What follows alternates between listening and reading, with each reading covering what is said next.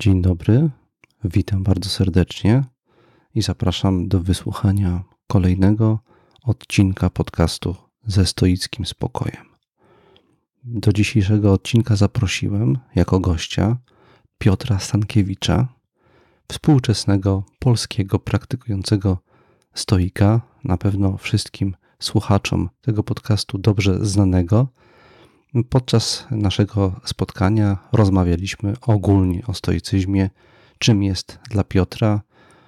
Zadałem mu także kilka przygotowanych specjalnie na tę okazję pytań. Niektóre z nich miały charakter niespodziany, przypuszczam, dla rozmówcy. To też tym bardziej wszystkich słuchaczy bardzo serdecznie zapraszam do wysłuchania tej rozmowy.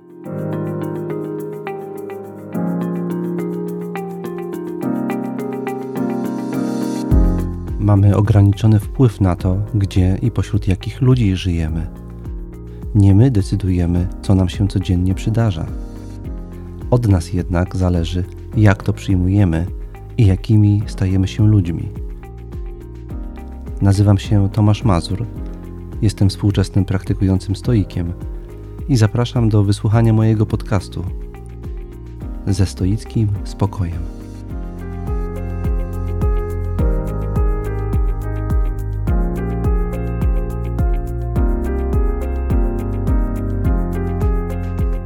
Zacząć chciałbym dzisiaj od podziękowań. Po pierwsze, ogólnie chciałbym podziękować wszystkim słuchaczom, którzy przysyłają mi maile. Po pierwsze, maile z pytaniami uszczegóławiającymi to, o czym mówiłem podczas podcastu. Po drugie, z pytaniami, e, które chcieliby słuchacze, żebym poruszył w kolejnych odcinkach. Wreszcie po prostu z wyrazami e, poparcia i zainteresowania tym, czy o czym e, w czasie i w ramach tego podcastu mówię, czym się dzielę. Przy tej okazji bardzo serdecznie także chciałem podziękować wszystkim darczyńcom, w tym także tym anonimowym, którzy wspierają nasz podcast finansowo. Bardzo dziękuję. A szczegółowe podziękowania chciałem dzisiaj wyrazić panu Rafałowi Parnowskiemu, który w niedawnym e-mailu do mnie postawił pytanie. Pytanie wprawdzie skierowane było do mnie, ale było ono na tyle ciekawe, że postanowiłem zadać je naszemu dzisiejszemu gościowi, którym jest inny współczesny praktykujący stoik Piotr Stankiewicz. I dopiero w kontekście odpowiedzi, jakiej udziela mi na to pytanie Piotr Stankiewicz, udzielam także własnej.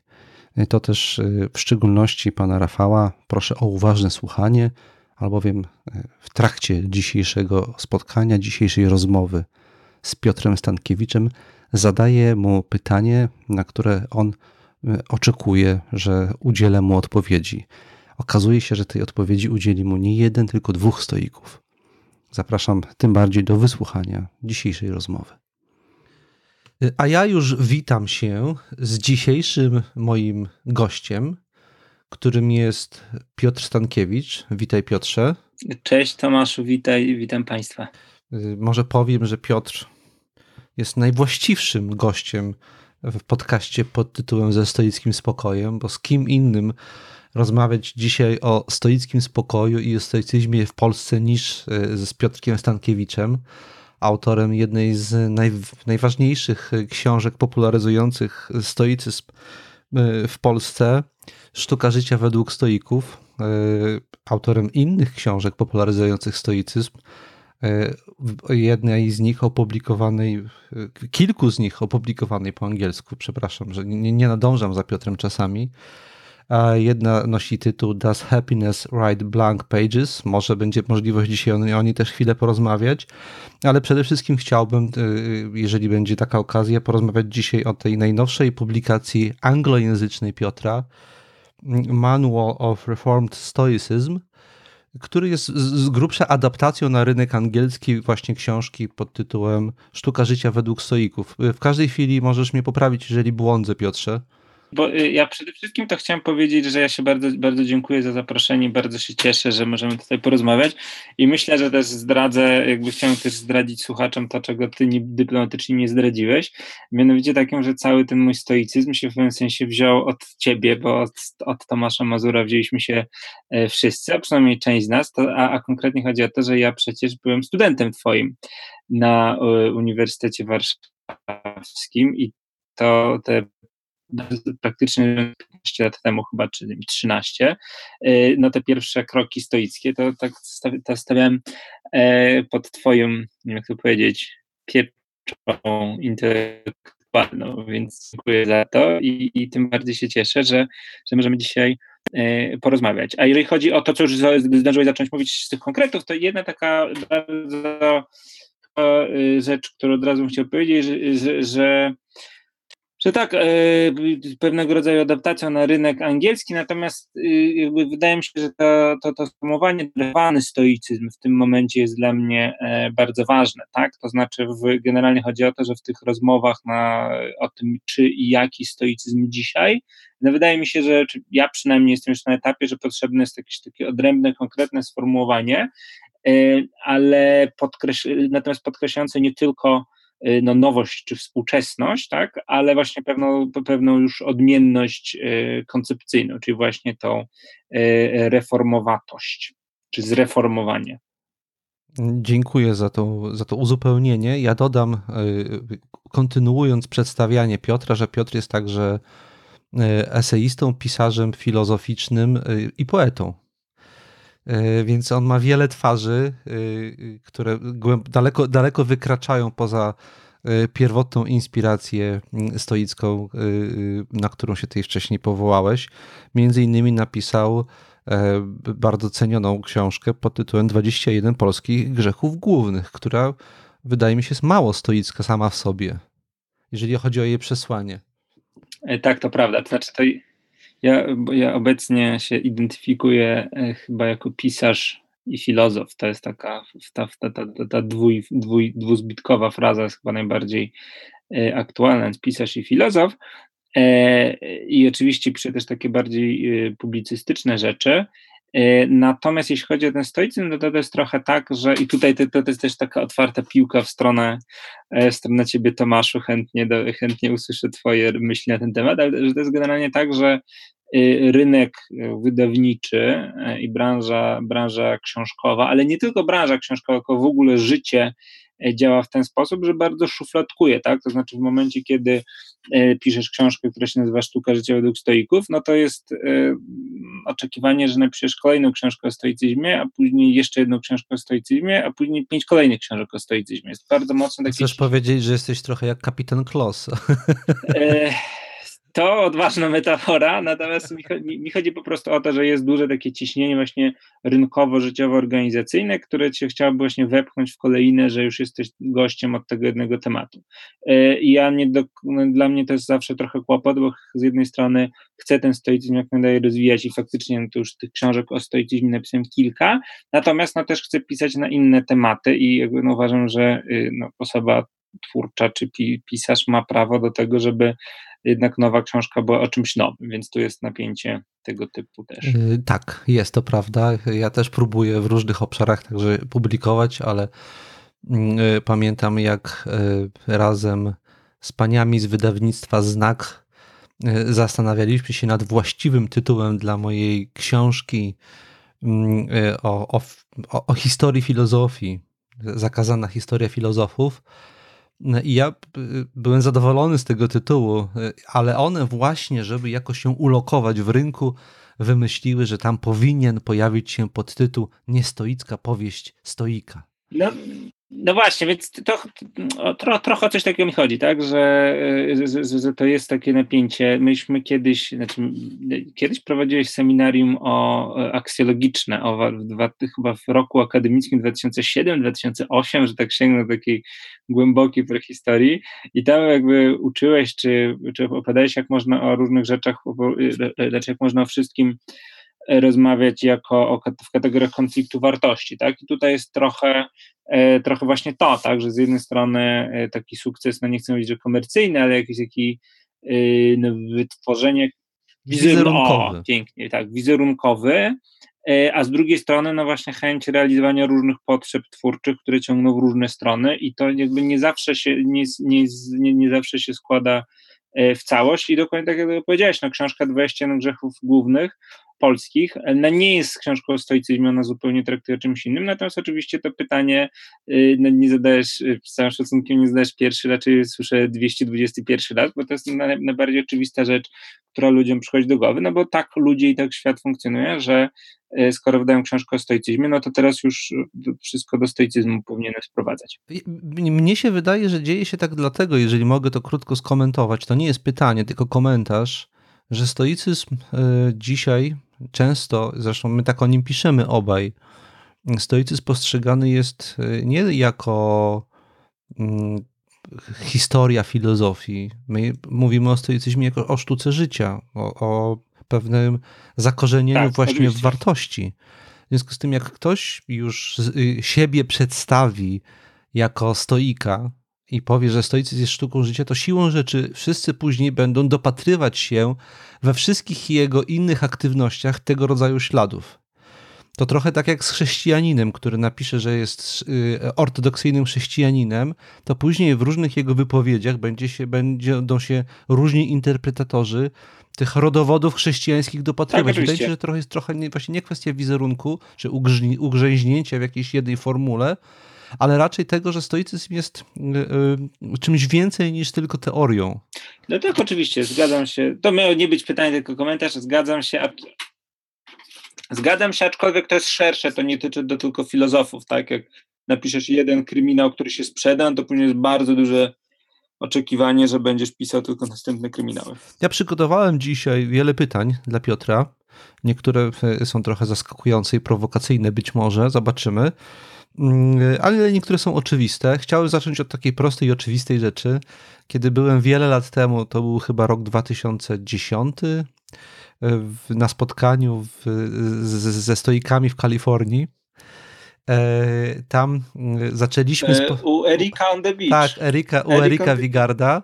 Tam zaczęliśmy spotkanie od takiego ćwiczenia gdzie każdy miał opowiedzieć o tym, jak rozumie stoicyzm, albo czym jest według niego stoicyzm, możliwie najkrócej. Tam mieliśmy pomysł na 5 minut wprowadzenia do stoicyzmu.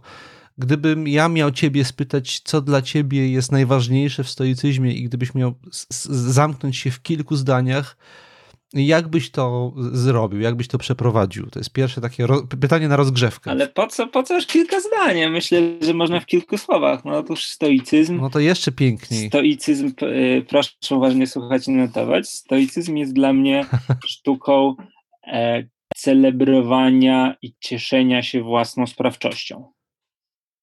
Wow, bardzo piękne. Znaczy, robienia tych dwóch rzeczy, tak? Mam swoją sprawczość, można się rozwijać, tak? Mam swoją sprawczość, staram się dobrze rozumieć, staram, staram się z niej korzystać, ale też cieszyć się z niej, tak? I to, to w naj, najkrótszej, najkrótszej formułce. To jest y, y, expressis verbis, tłumaczenie jednego ze zdań y, z wprowadzenia do angielskiej wersji twojej najważniejszej stoickiej książki. Zacytuję. Właśnie sobie to zdanie wynotowałem. No pięknie, great minds. Reformed Reformed Stoicism is about enjoying and exercising uh, our agency. No tak. To... Właściwie to powiedziałeś teraz po polsku, tak? Tak, no nie jest to Ja sobie to wynotowałem, bo chciałem o to spytać, tak. proszę, żebyś to rozwinął. To może teraz cię poproszę, żebyś to rozwinął. Na czym polega cieszenie się własną sprawczością? Gdybyś mógł y, dla osób, które być może w pierwszej chwili myślą o stoicyzmie inaczej, nie jest to oczywiste, gdybyś mógł to trochę rozwinąć, bo wydaje mi się, że dla wielu ludzi nie jest oczywiste to, co dla ciebie z tego, co widzę jest i dla mnie też, że w samym y, rdzeniu stoicyzmu jest, jest doświadczenie radości. No to w pewnym sensie ty mnie tego nauczyłeś, tak? Znaczy to jest ta interpretacja wzięta w jakimś, w jakimś zawikłanym, w jakiś zawikłany sposób od ciebie, ale generalnie chodzi mi o to, że yy, że to w pewnym sensie jest takie założenie, tak? To znaczy ja e, jakby zadając sobie na jakimś takim super elementarnym poziomie, o co chodzi w tym stoicyzmie, jakby odpowiadam, czy zakładam sobie, że chodzi o odnalezienie szczęścia, szczęścia, radości, eudaimonii, jak to tam nazwać, to już nie chcę w to wchodzić. Natomiast no, to jest to podstawowe założenie, że w stoicyzmie chodzi o szczęście, że, że, że to jest ten jakby najbardziej elementarny wymiar e, i że to jakby wobec niego czy poprzez niego należy, te, należy ten stoicyzm rozumieć, a te pozostałe jakby wzorce interpretacji są tutaj, mają rolę taką służebną, tak, czy na przykład zgodność z naturą, albo ta słynny stoicki spokój, czy ta defensywność w starciu z życiem i tak dalej, i tak dalej, to należy rozumieć poprzez tą radość, tak, no i jeżeli tak, no to wychodzi na to, że e, jak mamy tą naukę o podziale na rzeczy zależne i niezależne, tak, no to jakby ona tak naprawdę temu służy, żeby umieć wykroić sobie jakby tą część, którą się potrafi, e, żeby umieć wykroić tą część, która która, nad którą panowanie jest nam w stanie przynieść to realne jakby szczęście zależne tylko od nas. Tak? Tutaj jakby się trochę, to, trochę to tak brzmi e, to, to, to, to, brzmi w taki trochę zawikłany sposób, ale jakby chodzi, chodzi mi o to, że ten akcent nie pada na tą defensywność, tak, że ja mam się nie przejmować tymi rzeczami, które ode mnie nie zależą, tylko mam się właśnie aktywnie przejmować, aktywnie dbać o te rzeczy, które ode mnie zależą, tak? I, i wtedy jest to taki jakby wiem, ten wymiar obietnicy stoickiej, tak, że jeżeli będę tak robił, e, no to wtedy będzie, będzie to mi sprawiało radość, niezależnie od tego, jak bardzo wąskie czy skromne te rejestry rzeczy zależnych ode mnie się okażą. No bo jakby życie, y, życie uczy, że raczej mamy wpływ na mniej rzeczy niż więcej. Y, I, i, I, raczej droga, drogą, drogą człowieka jest właśnie takie pewne wycofywanie się tak, z biegiem, znaczy uświadamianie sobie, że coraz większy daje y, uświadamianie sobie, że takie a takie rzeczy, rzeczy ode mnie nie zależą. Więc tutaj ta obietnica stoicka polegałaby na tym, że aktywne skupienie się na tym, co wiem, że ode mnie zależy, właśnie może cały czas przynieść radość, nawet jeżeli jest to bardziej skąpe niż, e, niż myślałem. I nie wiem, czy to wytłumaczenie jakby tłumaczy. Tak, ja wiem to bardzo dobrze, ja bardzo dobrze wiem o czym mówisz. Ja nawet często w różnych opowi- sposobach opowiadania o stoicyzmie mówię, że to wyrzeczenie stoickie nie jest w istocie wyrzeczeniem, tylko zdobyciem dostępu do czegoś, do czego dostęp mamy zablokowany przez to, że się koncentrujemy na rzeczach zewnętrznych i nie umiemy czerpać radości z czegoś, co cały czas jest bardzo blisko nas. No trochę tak, że jakby kupujesz jakby prawo do cieszenia się tą sprawczością na polu rzeczy od ciebie zależnych, no kupujesz tym, że mniej się zajmujesz tymi rzeczami, które są od ciebie niezależne. Moim zdaniem to nie, z tego nie wynika, o tym możemy później porozmawiać, ja to nazywam tą konserwatywną, nie, ascetyczną misinterpretacją stoicyzmu, także to nie, nie, nie znaczy bynajmniej, że masz wszystkich te rzeczy niezależne odciąć i zostać mnichem pustelnikiem, który żyje w chlebie i wodzie, natomiast niewątpliwie chodzi o pewne przekierowanie tej uwagi, tak, jakby ta, ta, tam jest istotny dla mnie ten element jakby cieszenia się sprawczością, tak, jakby to nie tylko chodzi o to, że ja mogę zrobić to a to, ale też cieszenie się tym, że ja wiem, że nikt mi tego nie może odebrać, tak? No ale żeby móc się tym cieszyć, no muszę ten snop zawęzić na tych rzeczach, które są ode mnie naprawdę zależne, tak? To jakby w ten y, sposób. Przy czym, y, przepraszam, że ci wchodzę w słowo, ja właśnie mam tutaj często problem, kiedy o tym mówię i piszę, bo ja nie jestem pewien, czy to jest zawężenie. Bo wydaje mi się, że w efekcie do, do, doznajemy dostępu do bardzo bogatego świata i że pierwotnie w pierwszym ruchu to się wydaje zawężeniem, ale jak się skupimy na tym, co tam jest e, w efekcie dostępne dla nas, to to jest bardzo duże rozszerzenie. No, to jest niewątpliwie taka efektowna formułka. E, jakby klasycznie, znaczy w takiej standardowej mm, standardowej interpretacji to się mówi o zawężaniu w tym sensie, że jak sobie wyliczysz te wszystkie rzeczy, które istnieją na świecie, no to zależy od ciebie tylko pewien podzbiór, tak? W tym, w tym sensie, że, że, że zawężasz. Natomiast oczywiście, znaczy to jest też droga, którą to, to co mówisz, też jest dla mnie przekonujące, w tym sensie, że znaczy ja, ja w pewnym sensie żeby z mojego punktu widzenia wygląda tak, że na te rzeczy niezależne masz wpływ poprzez, poprzez rzeczy zależne, tak, że jakby jedyny realny wpływ na rzeczy niezależne, jaki możesz mieć, no to jest poprzez skupienie się na rzeczach zależnych, tak, w ten sposób. I w tym też sensie to znaczy, że ten stoik nie musi być ascetą i tak dalej, i tak dalej, e, i tak dalej. Okej, okay, dziękuję. Następne pytanie może być to właśnie trochę zaskakujące, ale właśnie, właśnie oczywiste. Ja... No tutaj już mnie nieźle zaskoczyłeś. Mam wrażenie, że na początku powiedziałem jedno ładne zdanie, a później dużo mętnych, które miały je tłumaczyć. Które... To trochę tak jest, że to, co brzmi ładnie i zgrabnie, jak się wejdzie, wejdzie próbuje wniknąć w szczegóły znaczenia te, tego zgrabnego e, opisu jakiejś kondycji, to tam jest bardzo wiele pokładów i ciężko jest dobrze wyjaśnić niekiedy. Natomiast inne mam pytanie. Ja często w różnych okazjach, przy różnych okazjach, tak jak ty zresztą, opowiadam o stoicyzmie e, i mam takie doświadczenie, o które ciebie chciałem także zaspytać. E, czy jest jakieś pytanie, które dość często e, ci się stawia w tych różnych okazjach, którego nie lubisz już, którego się osłuchałeś? No tak, tak, tak niepolitycznie nie zdradzać trochę, ale, ale myślę, że jest bardzo wiele takich pytań yy, i chyba, znaczy jest taka kategoria pytań, których nie lubię, mianowicie yy, i tylko, że to tak naprawdę nie jest pytanie, tylko taka pewna jakby zagrywka konwersacyjna, która polega na tym, że coś powiem, zrobię albo napiszę na w internecie e, i, i wtedy ludzie komentują, że no a jak tak stoik może, tak? Znaczy sytuacja, w której się w której się sugeruje, że się wie lepiej, no inaczej, e, jakby sytuacja, w której coś, co się komuś nie podoba, ktoś uważa, że ja tego robić nie powinienem, bo jestem stoikiem, więc coś tam, no, jest dla mnie denerwująca, mhm. tak? A jakiś przykład, przykład tak, byś podał? jakby bardzo konkretny przykład mam na myśli, jeżeli na przykład, y, no, no, ja w sumie rzadko banuję ludzi na Facebooku, czy coś takiego robię, ale w tego typu sytuacjach, jak właśnie się zaostrzy rozmowa na, w internecie i ja coś tam mocniejszego powiem, nawet nie mówię, że wulgarnego, ale jakiegoś bardziej stanowczego, no jakby zawsze wtedy jest, zawsze, no wtedy często jest właśnie ten ripostaż, no ale jak tak stoik może, przecież jesteś stoikiem, więc w sensie założenie, że stoik to jest ktoś, konkretnie chodzi o to, że założenie nie, nie, musi być w internecie, tak?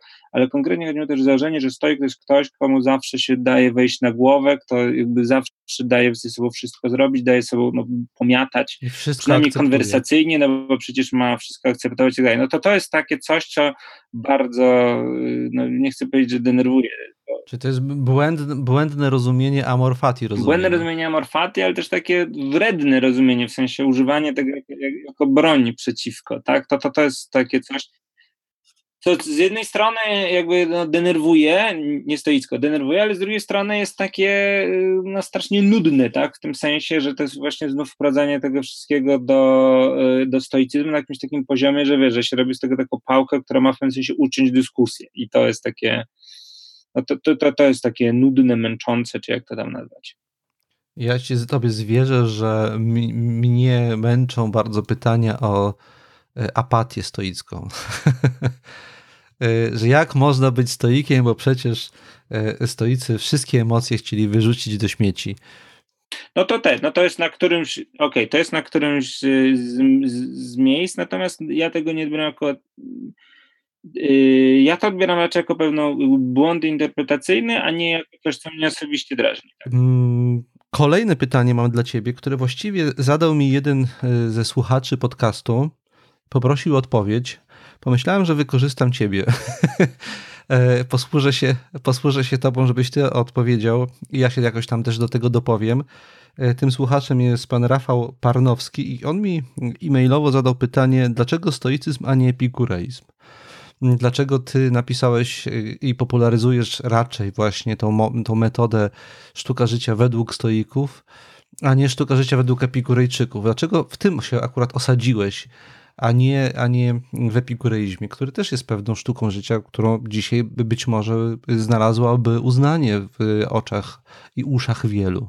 Słuchaj, no dlatego, że stoicyzm jest szerszy i daje więcej odpowiedzi niż epikureizm, tak? Bo epikureizm, moja, e, moja oficjalna, że tak wyrażę wykładnie, bo o tym też w którejś z książek piszę, jest taka, że epikureizm odpowiada na znacznie węższy ilość przypadków, tak? Znaczy u, u, u Epikura jedną odpowiedzią, yy, w pewnym sensie jedną odpowiedzią na wszystko jest to, że masz być sobie tym właśnie miło żyjącym człowieczkiem, który żyje właśnie na tej chlebie i wodzie, ewentualnie z domieszką wina i jakiegoś tam masełka czy serka i że to ma być odpowiedzią na wszystko, tak?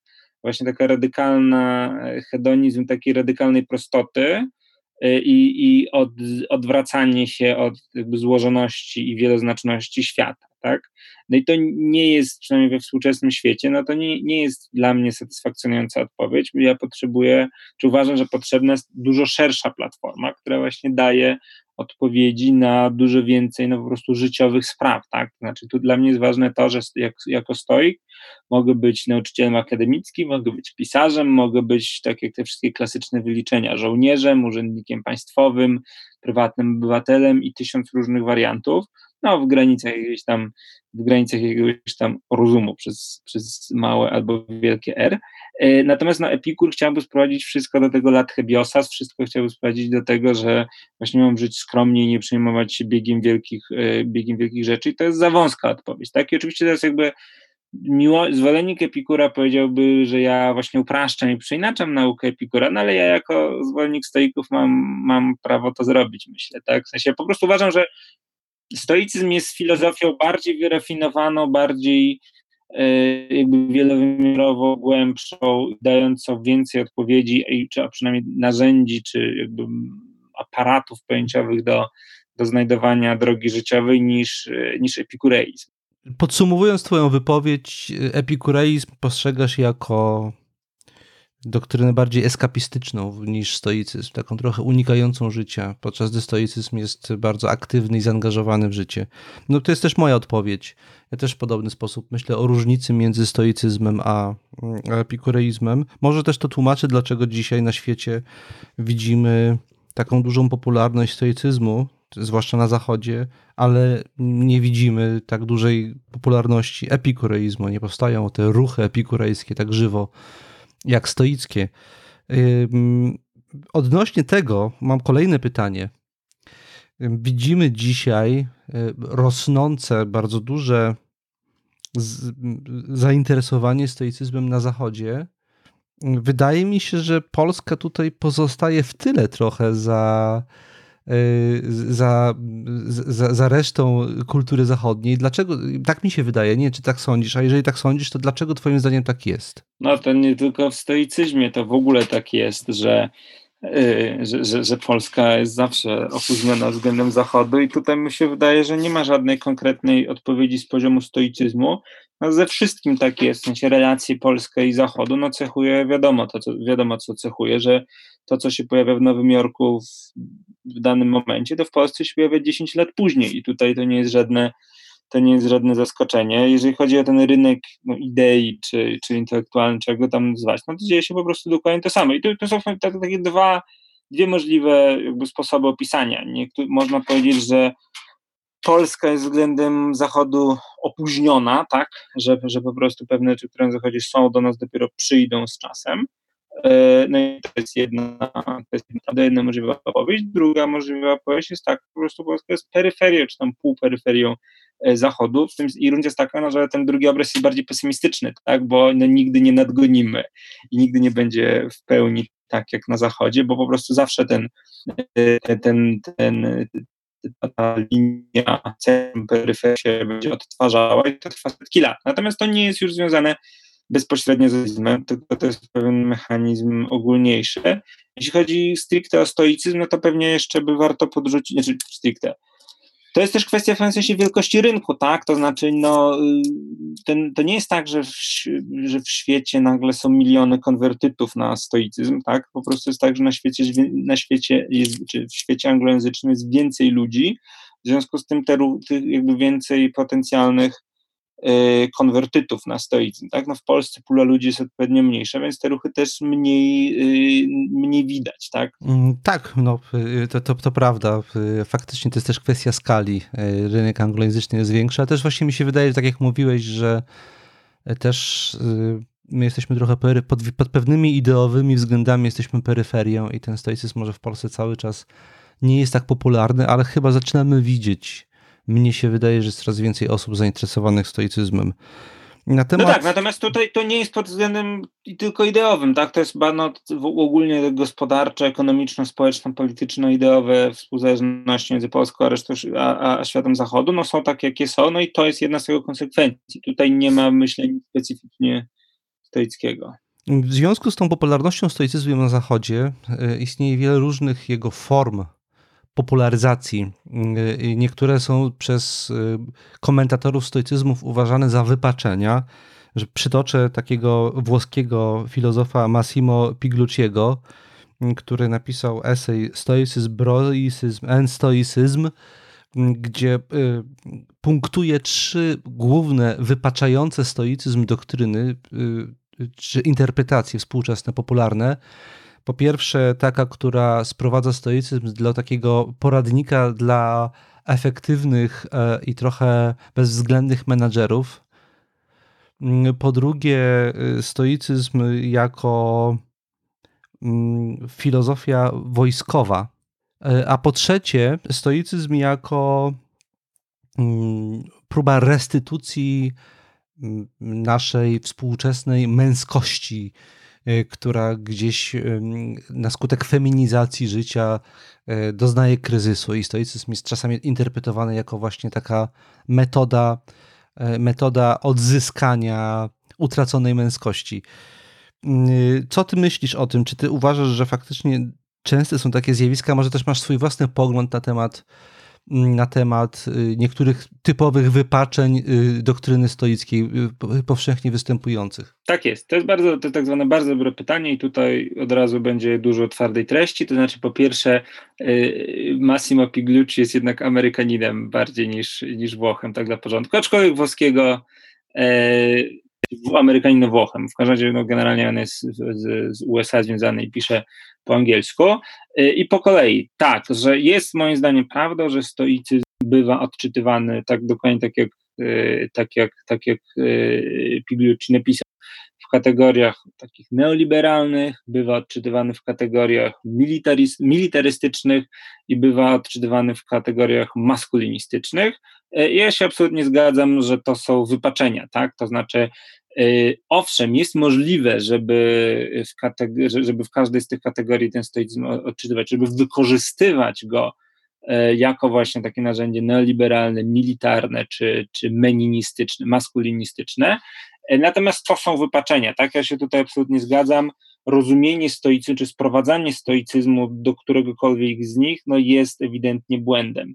E, I ja chyba z tym, z tym maskulinistycznym jakby nigdy nie miałem wiele wspólnego. Natomiast jeśli chodzi o ten neoliberalny, czy, czy, czy jak go tam nazwać model, to ja mam wrażenie, że gdybym dzisiaj pisał sztukę życia według stoików, no to faktycznie musiałbym trochę odejść e, od jakby zmniejszyć te wątki u siebie, bo faktycznie jak teraz e, patrzę, to ta książka napisana już prawie 10 lat temu, no jest trochę za bardzo takim językiem ekonomiczno-menedżerskim napisane. Tak jakby i znów stoicyzm daje się wytłumaczyć jako właśnie taka e, no, szkoła zarządzania swoim życiem, swoimi wartościami, tak właśnie menedżerowania. Natomiast no, to jest pewien typ metafory, czy pewien typ obrazowania, którego właśnie nie należy, nie należy z tym przesadzać. Nie można tego rozumieć jako zachęty do właśnie wspierania tego stylu życia, czy rozumienia życia, w którym menedżer jest kapłanem, a miliarder bogiem i tak dalej, i tak dalej, i tak dalej. To jest pewien taki typ no, rozumienia stoicyzmu i obrazowania go, no, który może być przydatny, żeby uchwycić pewne rzeczy w stoicyzmie, ale którego nie jakby należy się go bardzo wystrzegać, bo tutaj jest dużo różnych pułapek. No i tak samo z tym militaryzmem, to jakby doskonale wiesz, że e, no, stoicyzm jest pełny, e, to można przykład, tak, że stoicyzm, czy te tra tradycyjne teksty stoickie są pełne militarystycznych, żołnierskich, wojskowych metafor, e, porównań, obrazów itd., itd., itd. No i znów, one pewne rzeczy wyjaśniają, natomiast są problematyczne w tym sensie, że jest ich za dużo, tak, to znaczy ja mam wrażenie, że e, kiedyś, e, no to było takie absolutnie naturalne, że ludzie sobie tłumaczyli rzeczy, rób to, to w swoim życiu prywatnym, tak jakbyś tam Germanów gonił na polu bitwy, no bo każdy miał to doświadczenie i ta wojna, przemoc były wszechobecne. Dzisiaj na szczęście jest tego mniej, w związku z tym jakby nie musimy, czy wręcz nie powinniśmy tym metaforom za bardzo, e, za bardzo ulegać, tak?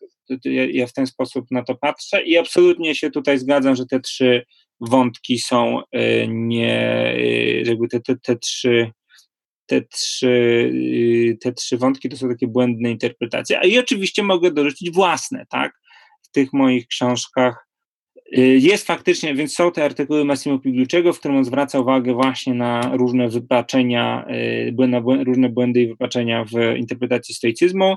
Ja od siebie jakby z zupełnie innego poziomu, ale generalnie mówię o dwóch, tak? O ascetycznej, o stereotypie stoika ascety i stereotypie stoika konserwatysty, tak? Znaczy to są moim zdaniem dwa takie charakterystyczne, błędne wyobrażenia, że z jednej strony stoik to jest ktoś, kto, tak jak już wspomnieliśmy, żyje o chlebie i wodzie, e, wyrzeka się generalnie przyjemności życia, czy czasami w ogóle jakiegokolwiek realnego korzystania z dóbr życia e, i to jest to jedno wyobrażenie, moim zdaniem fałszywe, e, bo stoik nie musi być mnichem, stoik nie musi być odludkiem, stoik nie musi jakby nie, nie, nie musi żyć o chlebie i wodzie, żeby po raz trzeci skorzystać z tej frazy, i z drugiej strony ten stereotyp stoika konserwatysty, tak? Konserwatysty zarówno w znaczeniu politycznym, e, jak i w takim znaczeniu życiowym. E, I tutaj moim zdaniem stoik nie musi ani w jedno, ani w drugie e, koniecznie iść. Piotrze, kontynuując trochę wątek różnych form odczytania stoicyzmu, ja też zauważyłem, że często próbuje się łączyć stoicyzm z na przykład buddyzmem. Y, Eric Wigard, od którego zaczęliśmy tutaj nasze spotkanie, napisał taki, e, e, y, taką książeczkę y, New Practicum, gdzie właśnie zaleca kombinację niektórych technik stoickich z niektórymi technikami buddyjskimi. Na naszym rynku wydawniczym Marcin Fabiański proponuje podobne podejście, wydaje mi się, y, gdzie łączy właśnie niektóre praktyki stoickie mm, z mm, religijnymi, inspirowanymi przede wszystkim y, kulturą wschodu. Co ty o tym sądzisz? Czy uważasz, że to jest dobre połączenie, czy takie y, spojrzenie na stoicyzm właśnie przez zestawienie go z praktykami religijnymi jest dzisiaj właściwe? Czy to jest może jednak dla ciebie raczej filozofia niż, niż quasi religia? Ja mam wrażenie, że, jest, że ja zarazem jestem eklektykiem, jak i nie jestem eklektykiem. I, i, i to jest po takie, właśnie już zacząłem sobie to uświadamiać teraz jak, teraz, jak zadawać to pytanie, bo z jednej strony ja faktycznie mam tak, że ja właśnie zupełnie że ja z jednej strony bardzo swoje, jak nie wiem, poczytasz moją, mój profil na, właśnie polecam w ogóle, bo nie było żadnej autopromocji, profil na Facebooku Sztuka Życia według Stoików, yy, ciągle aktualizowany, Absolutnie zapraszam, e, ale jeżeli, jeżeli zerkniesz tam, no to zobaczysz, że te części, te, te rzeczy, które tam piszę, no często, nie chcę powiedzieć, że nie są stoickie, czy odbiegają od stoicyzmu, natomiast no, ba, bardzo szeroko ten stoicyzm traktują, tak? W pewnym sensie wręcz traktują go jako taki pewien punkt wyjścia, czy jako platformę do, no tak, ale ty tam, ty tam raczej robisz coś takiego, że ty aplikujesz stoicyzm do różnych współczesnych problemów i to niekoniecznie jest eklektyzm, tylko róż, mm, różne aplikacje, no właśnie, tak? No, właśnie, znaczy aplikacje, ale nie tylko aplikacje, tam naprawdę są różne rzeczy i ja naprawdę sobie poczynam w sposób bardzo dowolny. W pewnych granicach tam, nie wiem, no nie piszę o polityce, czy o, nie wiem, matematyce, czy o czymś tam jeszcze, natomiast generalnie traktuję to jako, jako pewną pewien punkt wyjścia do różnych poszukiwań rozumu w bardzo różne strony i często to są już ze stoicyzmem związane nieoczywisty sposób. Więc z jednej strony szeroko, ale z drugiej strony nie zupełnie nie kręci właśnie łączenie takie, jak, że weźmy to ze stoicyzmu, weźmy to z buddyzmu, weźmy to, nie wiem, od Epikura, czy tam jeszcze Bóg wie skąd, tak? W sensie tego typu eklektyzm, tego typu zestawianie zupełnie mi nie realizuje, tego zupełnie nie robię i mam wrażenie, że coś się jednak traci w ten sposób, tak? W sensie, jeżeli zaczynasz robić to, co no to co nie wiem, to co Fabiański trochę, tak? W sensie, jeżeli zaczynasz podchodzić do tego tak zupełnie, że możesz wziąć każdą pasującą myśl albo stąd, albo stąd, albo stamtąd, no to jakby coś tracisz. Trudno powiedzieć, co tracisz, ale coś tracisz, bo ja nie, jakby to nie jest tak, że jakoś super mocno wierzę w, nie, w ideową spójność y, stoicyzmu czy czegokolwiek innego, ale jednak wydaje mi się, że ta próba jakby cały czas oświetlania rzeczy przez jedną konkretną soczewkę no, daje pewien, właśnie daje pewno coś, czego nie daje taki eklektyzm na zasadzie tu buddyzm, tam stoicyzm, tam jeszcze coś innego.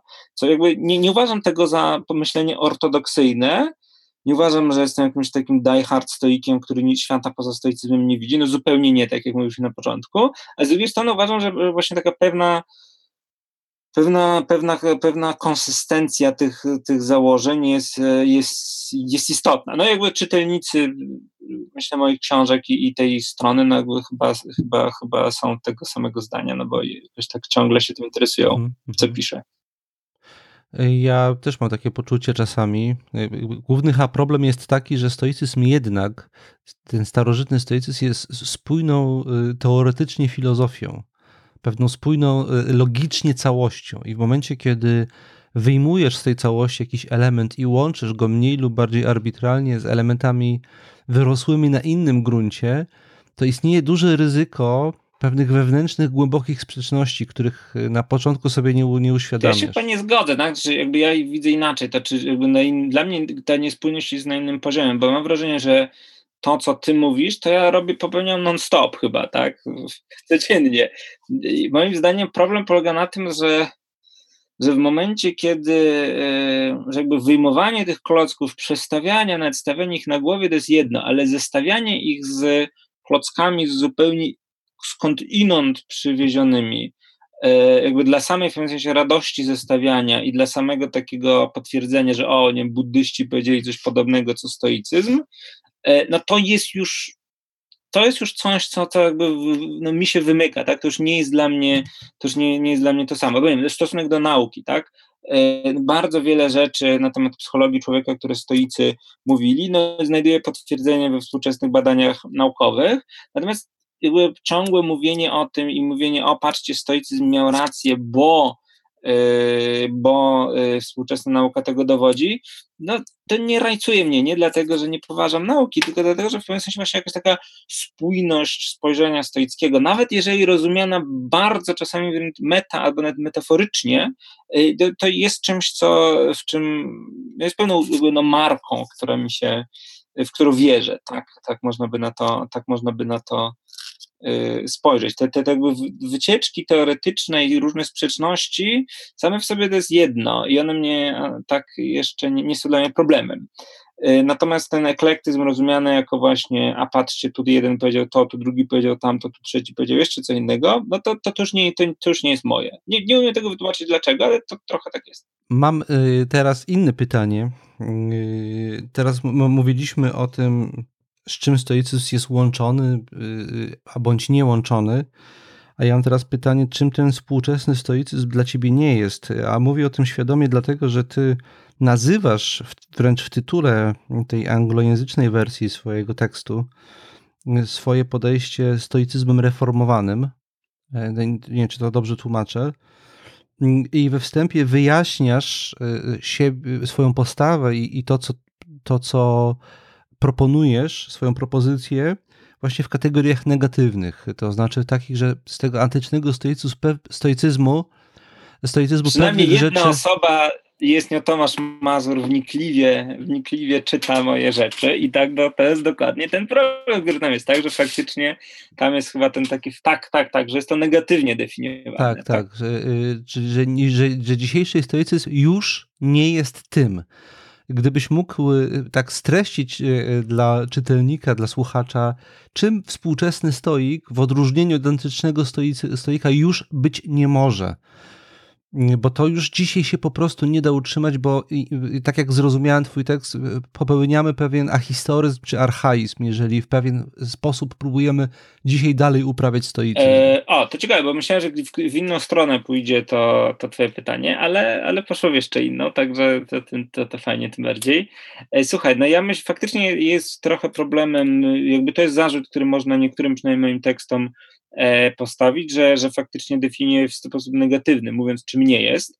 E, I fakt, ale, ale jest to jakaś ścieżka, tak? Bo wydaje mi się, że to jest dość jasne, że stoicyzm dzisiejszy i znów tutaj część z tych myśli jest jak najbardziej zainspirowana e, myślą Tomasza Mazura, więc, więc możesz się czuć, poczuwać do jakiegoś stopnia powinowactwa, ale generalnie uważam, że współczesny stoicyzm nie może czy nie powinien być tak bardzo uniwersalistyczny, tak? To znaczy dzisiaj musimy, jeżeli chcemy być stoikami na serio, tak, no to musimy, jeżeli chcemy serio o tym mówić, no to musimy jakby przyjąć z wiadomości, czy zgodzić się z tym, że różni ludzie no, różnie patrzą na różne sprawy, tak? To znaczy, że nie jest tak, że jedna jedna zdjęta z wieszaka odpowiedź będzie gotowa, będzie dobra dla wszystkich, będą bardzo różne warianty i trzeba je brać pod uwagę i to jest zasadnicza sprawa, włącznie z tym, że dla niektórych, że niektórym ten stoicyzm w ogóle nie będzie pasował i oni w ogóle go będą, nie, nie będą chcieli. Tak jakby no chyba jednak dość, dość mocno wierzyli w to, że stoicyzm jest najlepszą możliwą odpowiedzią dla wszystkich możliwych ludzi.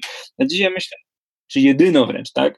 Natomiast dzisiaj, właśnie, no to dzisiaj to już na pewno tak nie jest i dzisiaj myślę, że jest bardzo ważne, żeby, sobie powiedzieć od razu, że no są ludzie, którzy e, no, będą cenili bardziej inne rzeczy niż to stoickie rozumiane szczęście. I tutaj cała moja książka, ta Does Happiness Write Blank Pages jest jedną wielką odpowiedzią, znaczy próbą przeanalizowania tego, czy artysta, twórca, Y, y, w tym dzisiejszym postromantycznym znaczeniu może być, może być stoikiem. I pewnych sensach się okazuje, że być nim nie może, tak? Znaczy na przykład droga y, romantycznego artysty, no się okazuje być drogą inną niż, niż, niż droga stoicka i jeżeli chcemy e, to uwzględniać, to jeżeli chcemy być dzisiejszymi stoikami na serio, no to musimy to uwzględnić. Musimy uwzględnić to wszystko, co współczesna nauka mówi, tak? Czyli choćby to, że no, kontroli nad naszymi myślami nie mamy aż tak znowu dużej, jak to mówili starożytni, tak? To znaczy te, y, znaczna część rzeczy, które się dzieją w naszych umysłach, no też jest rzeczami od nas jak najbardziej niezależnymi.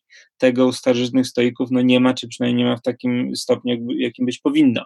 Powinniśmy uwzględnić y, no, w znacznej mierze to, że natura, czyli to stan, jakby podstawowy dogmat stoików starożytnych, czyli że trzeba żyć zgodnie z naturą, a wszystko, co jest zgodne z naturą, to jest dobre no to ja uważam, że no dzisiaj trochę się już rozsypuje, tak? Czy jakby rozsypuje przynajmniej, że nie należy na stoicyzm patrzeć przez, tylko i wyłącznie przez ten pryzmat, dlatego że z naturą no, w 2020 roku no mamy 1001 problemów, tak? Nie do końca wiemy, co to w ogóle znaczy.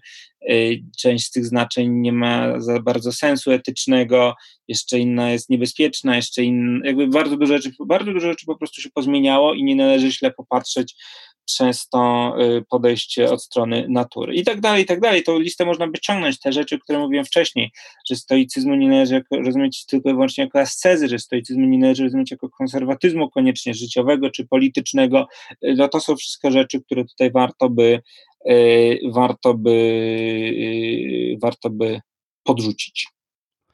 Ja ci powiem, jaki to generuje dla mnie problem, takie odczytanie, bo ja mam od wielu lat właśnie problem z jednym obszarem w stoicyzmie. I też jak czytam Twoje książki, widzę, że Ty też ocierasz się o ten problem. E, ja nie jestem pewien, czy, czy ja, nie znalazłem jeszcze ostatecznie dobrej odpowiedzi na to. E, cały czas nad tym pracuję, mm, bo e, Ty się koncentrujesz na tym, co można nazwać po prostu humanistyczną podmiotowością, tak? E, human agency, mm, ludzką podmiotowością e, i na, na autonomii. I mówisz w drugim zdaniu, w którym próbujesz precyzyjnie wyjaśnić istotę Twojego podejścia, y, opisujesz stoicyzm jako y, dążenie do wytrenowania autonomicznych i e, właściwych decyzji. A tam się pojawia takie sformułowanie autonomous and right decisions. E, I właśnie istotą stoicyzmu antycznego, e, oprócz tego, o czym tutaj wiele razy mówiliśmy, niezależności od tych czynników zewnętrznych i że to się to trenuje, jest jednak pewna teoria wartości czyli rzeczy godnych wyboru. Ja bardzo często spotykam się z tym, że słuchacze, ludzie pytają mnie, co stoik by powinien zrobić w takiej a takiej sytuacji. I antyczni stoicy mieli e, na to jakieś, jakieś odpowiedzi, a wydaje mi się, że przy takim podejściu, jakie proponujesz, ja też, ja widzę ten problem też w moim podejściu do stoicyzmu, to się e, robi bardzo trudne, żeby powiedzieć, co stoik by zrobił w takiej, takiej sytuacji, bo e, tak jak ja czytam i ty mówisz o tym, że stoik podejmuje autonomiczne i właściwe decyzje, autonomous and right decisions, e, to mnie się wydaje, że to są synonimy dla ciebie trochę, że dobra to jest po prostu autonomiczna, że nie da się inaczej dobrej określić niż jako autonomiczne. Czy, czy tak nie jest trochę, że, nie, że, że to jest bardzo indywidualne wtedy i trochę jednak subiektywne? Słuchaj, no to, co teraz powiedziałeś, jest niewątpliwie bardzo wnikliwą i bardzo trafną analizą problemu i jednym z takich bardzo dobrym wyrażeniem jednego z podstawowych zarzutów, które można mojej, mo, mojemu podejściu do stoicyzmu postawić i chyba trochę też twojemu podejściu do stoicyzmu, tak?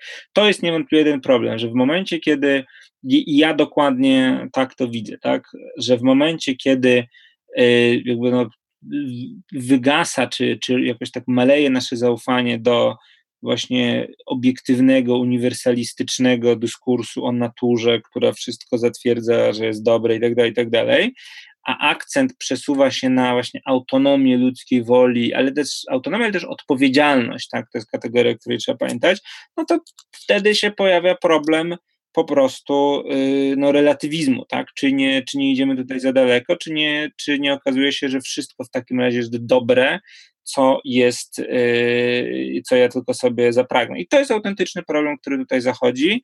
E, przeciwko temu można i należy się bronić pewnie w taki sposób, żeby, że jednym z ważniejszych sposobów jest spytać, no dobrze, ale czy to, co ja chcę zrobić w takiej, takiej sytuacji, czy to wzmocni moją cnotę, tak? Znaczy, czy to się przysłuży do rozwoju mojego e, charakteru moralnego, no co i co jest już jakoś taką podkładką trochę zabezpieczającą. Albo bez rozwój moralny, tak? Czyli czy można serio bronić, że zrobienie tego a tego, no, będzie się wiązało z rozwojem moralnym mnie, moich bliskich czy, czy jakiegoś innego człowieka. E, I to jest ważna kategoria myślenia. Tak, ale to, i to, to jest ten problem. To jest jeden z zasadniczych, zasadniczych problemów i to jest też często wyciągane, tak? Znaczy, co bardziej wnikliwi e, słuchacze i rozmówcy, tacy jak na przykład ty, no oczywiście e, słysząc to, co ja mówię, to właśnie powiedział, w związku z tym ten stoicyzm staje się taki e, no pusty, tak? Czy on staje się takim, że whatever works, tak? Staje się takim zupełnie E, zupełnie traci swoją konkretność i to jest autentyczny, e, myślę, problem, no ale znów myślę, że każdy z nim no, musi sobie w pewnym sensie radzić, radzić sam, jakby każdy stoik musi sobie przemyśleć to, e, to po swojemu. I to jest jedna z też takich właśnie podstawowych różnic między tym stoicyzmem reformowanym, a stoicyzmem ortodoksyjnym, starożytnym, no że dzisiaj mniej mamy, a przynajmniej ja mam wiary w odpowiedzi z książki i tabelki, które nam powiedzą, co jest dobre w każdej sytuacji, ze względu na tysiąc różnych czynników i powodów. Ja muszę Ci powiedzieć, że właśnie świadom tej trudności, zawsze jakoś próbowałem ją rozwiązywać e, bardziej nowoczesnym myśleniem o aksjologii, o teorii wartości, bardziej aktualnym. Mm, natomiast tak, y, y, idę ostatnio mocno w tą stronę i przygotowuję pracę, właśnie w której próbuję odpowiedzieć na ten problem pogłębioną y, teorią wartości, współczesną pogłębioną teorią wartości, ale to jest temat na osobne, dłuższe, dłuższe, dłuższe spotkanie, dłuższą rozmowę. Słuchaj, no to ja bardzo, bardzo mnie to, bardzo mnie to fascynuje, bo ja pamiętam twoją książkę chyba z 2008 roku, Kapryśni Bogowie Sokratesa, tak, o wartościach właśnie, które zrobiło na mnie swojego czasu wielkie wrażenie. I na mnie zawsze te właśnie aksjologiczne, to aksjologiczne podejście od strony wartości bardzo mnie jakby bardzo mnie ciekawiło, więc tutaj jak najbardziej zachęcam do, do działań i pracy w tą stronę i pisania. Myślę, że tu jest duży potencjał, żeby jakoś wspomóc ten stoicyzm, bo istnieje takie ryzyko, że będziemy mieli kłopot w odpowiedzi na, w dobrej odpowiedzi dzisiaj na pytanie o różnicę między stoicyzmem a cynicy, cynicyzmem. E, bo stoicyzm się wywodził pierwotnie z cynicyzmu, i w odpowiedzi na pytanie o różnicę między stoicyzmem a cynicyzmem, antyczni stoicy mówili, że to jest właśnie teoria wartości, że pewne rzeczy jednak warto wybrać. No tak, jeżeli to, jeżeli to, jeżeli to uchwycić z tej strony, no to problem to jakby w dzisiejszym, w dzisiejszym dyskursie to się raczej nazywa problem chyba z relatywizmem moralnym, tak? Czy że jakby w momencie tracę obiektywne wskazówki, no to mogę zrobić e, cokolwiek chcę, byle sobie dorobić z tego jakąś teorię i to jest ten, e, i to jest ten problem. Mam jeszcze dwa pytania do ciebie na koniec. Takie... Już tylko dwa? No nie, myślałem, że dopiero się rozkręcamy. Dwa pytania mam jeszcze do Ciebie. Możemy kontynuować tą dyskusję jeszcze przy następnym e, e, spotkaniu. Po prostu podcasty rządzą się pewną, pewną logiką trwania, tak jak zauważyłem. I chciałbym, żebyśmy się, żeby się zamknąć, chciałbym się zamknąć w godzinie mniej więcej. To jest optymalne chyba. Mm, ale mam dwa pytania jeszcze. Pierwsze jest następujące. Który z antycznych stoików jest ci najbliższy i dlaczego? Nie mam jednego ulubionego myślę, że cała ta trójka Seneca, Epiktet, Marek Aureliusz jest mi bliska z różnych powodów. To jest trochę tak, że każdy z nich daje coś troszkę innego, tak? Y, u, u Marka Aureliusza mamy to właśnie takie yy, mistyczne trochę obcowanie ze światem, tak? I pewną po, poetyckość, u, u, Seneki, u, u Epikteta mamy tę taką twardkość, szorstkość, takie potrząsanie człowiekiem, a u Seneki mamy z kolei no, te takie piękne, długie wywody, w których można właśnie uzasadnić wszystko we wszystkie strony. To, to, to, to są trochę różne e, potrzeby i myślę, że oni się fajnie w pewną, w pewną całość e, składają. Natomiast pierwszym stoikiem, jakiego czytałem, był Marek Aureliusz. Oczywiście to mogę to mogę zdradzić, ale to nie jest tak, że on jest mój, y, że on jest mój ulubiony koniecznie. A y, jeżeli mogę zadać takie osobiste pytanie, mm, też tak na koniec trochę właśnie, od czego się u ciebie zaczęło? Jakby od, czego, od jakiego doświadczenia, namysłu, refleksji zaczęło się u ciebie, zaczął się u ciebie zwrot w stronę stoicyzmu? A ja tu mam bardzo konkretną historię, mogę opowiedzieć bardzo chętnie. Otóż było to e, latem 2006 roku, czyli już 14 lat temu. E, I to było tak, że, e, że, że, ja wtedy chciałem się dostać na studia na filozofię, bo na, na, jako, moim pierwszym kierunku studiów była fizyka na Uniwersytecie Warszawskim. Chciałem się dostać jako na równoległe studia na filozofię i tam było to takie zamieszanie związane z tym, że ja byłem z rocznika, który zdawał jeszcze starą maturę, ale później była matura nowa i zmienione całe systemy, ale one nie uwzględniały tych starych maturzystów. Ostatecznie okazało się tak, że z moimi tymi wynikami się szalenie trudno gdziekolwiek dostać i się nie dostałem. I o tym, że się nie dostałem na to filozofię, się dowiedziałem jakbyśmy na Mazurach. E, to było właśnie takie, pamiętam, dość deszczowe lato, kiedy pływaliśmy e, po Mazurach, dużo się wina piło, E, różne rzeczy się robiło, ale też się dużo rozmyślało na temat jakby co dalej ze sobą robić, no i właśnie to był ten wątek, że te studia nie wyszły i tak dalej i jakby w pewnym, pamiętam właśnie, że któregoś dnia tak sobie pomyślałem, że może ja tak właśnie po stoicku podejdę do tych spraw i to, i to nie była taka tylko zajawka, tylko to było to taki, taki pomysł, że ja sobie poczytam więcej tych stoików. I pamiętam właśnie dokładnie, że w sierpniu 2006 na Mazurach właśnie tak przeskoczyło, że może, może tych stoików. I później, że po powrocie do Warszawy, pamiętam, że poszedłem do Buwu i wypożyczyłem Realego, tą historię filozofii w jednym chyba tomie, tą skróconą wersję i zacząłem sobie faktycznie o stoicyzmie czytać i jego od tego momentu poszło, tak? Jimoro y, tej historii jest taki, że nie, nie było tu żadnego momentu oświecenia, czy momentu takiego, że coś mnie, że, że piorun na drodze do Damaszku, te sprawy, natomiast była pewna taka dość świadoma decyzja, żeby spróbować jakby na stoicy, jakby ze stoicyzmu wziąć oprzyrządowanie, żeby spróbować jakoś, jak to się ładnie mówi, ogarnąć to swoje życie. E, no i w tym sensie to się chyba jakoś udało. A ciągnąc ten wątek, czy miałeś momenty zwątpienia? Takie momenty, że myśleć, kurczę, jednak może to nie ten stoicyzm, może coś innego, jest bardziej właściwym rozwiązaniem. Zwłaszcza, że mówisz, że jest wiele modeli i można przecież inne. Ja nie muszę mieć momentów zwątpienia, bo jestem stoicyzmem, ja prezentuję stoicyzm reformowany. W związku z tym, jeżeli. Czyli jakoś moment zwątpienia, to mówisz, że to jest reforma. To ja nie, nie, nie tak. Jak, jak moment zwątpienia, to sobie mówię, że jest czas na trochę coś innego. Tak? Znaczy, chodzi mi o to, tak mówiąc serio, chodzi mi o to, że to można, że w moim odczuciu można dużo bardziej E, łączyć ten stoicyzm z innymi rzeczami, czy przynajmniej próbować, żeby to się nie wykluczało. I to jest też, uważam, różnica między właśnie stoicyzmem reformowanym, a stoicyzmem starożytnym, tym ortodoksyjnym, o co wcześniej się, co wracało. Także no nie musimy tego uznawać za jedną odpowiedź na całe życie, na zawsze, jako taki sztywny kostium, z którego nie można nigdy wychodzić, bo, bo nas piorun spali, e, tylko raczej pewien taki właśnie sposób myślenia, z którego można korzystać, ale jeżeli jest potrzeba, no to można też robić wycieczki w różne strony i czasami można wracać, czasami można nie wracać, ale nie należy tego właśnie w taki zero-jedynkowy sposób e, rozumieć.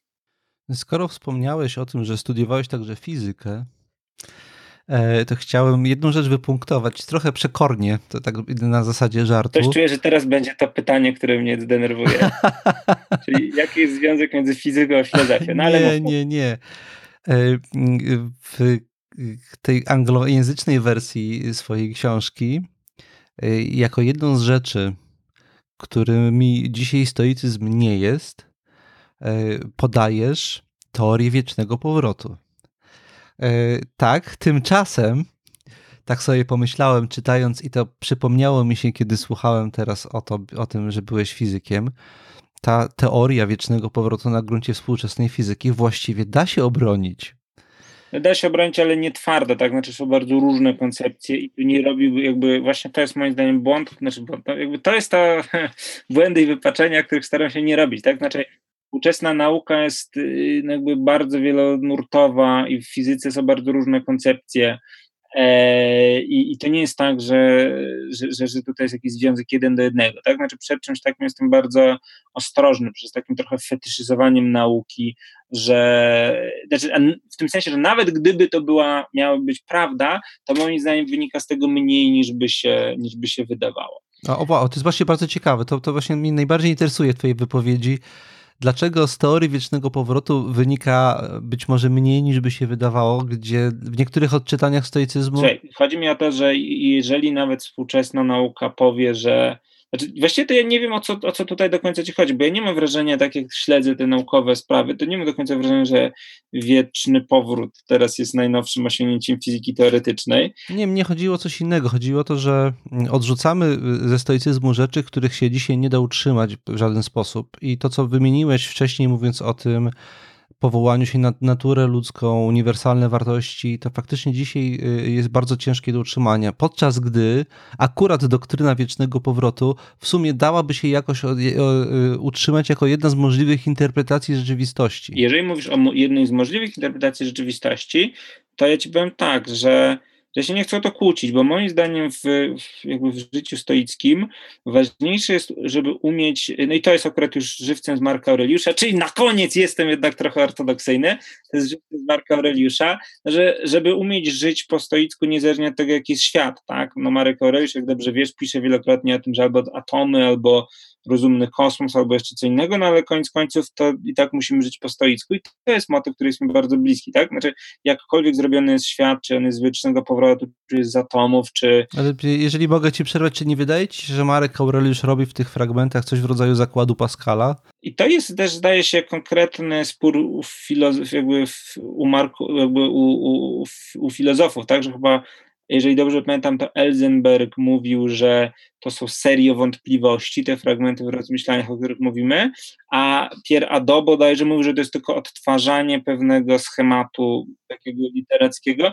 To z kolei ty z kolei mówisz, że to jest zakład Pascala. Że to są fałszywe alternatywy tak naprawdę trochę. Więc są różne tutaj, są różne te wersje, natomiast jakby tam jakby ten kierunek myślenia jest mi bliski, tak, że niezależnie od tego, czy to jest serio dotyczące naszych przekonań, czy to jest pewne ćwiczenie trochę literackie, no to jest ważna umiejętność, tak, żeby niezależnie od tego, jak ten świat jest tam zlepiony, żeby umieć się trzymać tej swojej y, swojej ścieżki. To jest mi już mi bliskie bardzo na takim też no, bardzo osobistym poziomie. Zwłaszcza jak się chce być pisarzem w, w, tym, w dzisiejszej epoce, no to trzeba się umieć trzymać swoje ścieżki, bo różne zagrożenia czyhają nieoczywiste. Y, Piotrze, ostatnie pytanie. Y, to było poprzednie, było, miało być jedno, ale ono się trochę rozmnożyło. A z tym chyba nie będzie takiego problemu. Nie sądzę, żeby się rozmnożyło, chociaż e, przy tak kreatywnym rozmówcy jak ty to jest niewykluczone. Chciałem się z ciebie spytać o twój ulubiony stoicki cytat. O, to może być w takim razie pierwsze pytanie, na które nie odpowiem, bo zupełnie nie mam, wiesz, zupełnie... E, A jakiś taki, który często ci towarzyszy, bo może być tak na zakończenie. E, znany tobie i, i, i, studiujący z tobą Marcin Krupowicz e, ma cytat ulubiony stoisz prosto albo cię prostują. E, to jest z Marka Aureliusza. Mój ulubiony cytat, który często mi towarzyszy, jest równie krótki i prosty, pochodzi od Seneki i, i brzmi: co, co stoi, ma upaść. Słuchaj, ja żeby odpowiedzieć całkowicie serio, to naprawdę nie mam takiego ulubionego cytatu, ale mam też, już mam też teorię, dosłownie teraz w najnowszej, ja w ogóle jestem autorem rubryki, która się nazywa Głos Stoika w kwartalniku Przekrój, co dwa tygodnie na stronie jest nowy tekst. I najnowszy tekst, y, co mi przypomina, że dzisiaj powinien nowy napisać, y, najnowszy tekst, który się ukazał, nazywa się Karuzela narracji, Karuzela krzepiących narracji. Y, i tam w pewnym sensie chodzi o właśnie to, że żadna, e, żaden cytat, żadna myśl, żadna narracja, żadna opowieść, przynajmniej dla mnie nigdy nie będzie no raz na zawsze, tak? Ona po kilku tygodniach albo i dniach, no zawsze traci tę swoją moc oddziaływania, zawsze trochę błękitnieje, no i wtedy warto umieć w, w porę przeskoczyć na nowo. I można nawet do tej pierwszej po jakimś czasie wrócić, ale ja nie jestem człowiekiem po prostu, który by się chciał trzymać jednej konkretnej frazy e, raz na zawsze. To jest raczej pewien taki właśnie wieczny, e, wieczny kołowrotek, że jeżeli się chcemy na tych mocnych pozycjach stoickich e, utrzymać, no to powinniśmy jakby stale sobie podsuwać różne takie e, różne, różne krzepiące sposoby myślenia i, i, i, i lektury, natomiast to nigdy nie będzie tak, że przynajmniej u mnie, że jedna rzecz na zawsze e, na zawsze wystarczy. Piotrze, bardzo dziękuję za krzepiącą rozmowę w takim razie. E, y, mam nadzieję, że jeszcze kiedyś wrócimy przy okazji Twoich kolejnych publikacji mm, e, i Oby. będziemy mogli pociągnąć różne wątki, albo także mm, pomówić o innych tematach. A Tobie w swoim imieniu i wszystkich y, słuchaczy podcastu ze stoickim spokojem bardzo dziękuję za dzisiejszą rozmowę. Dziękuję również.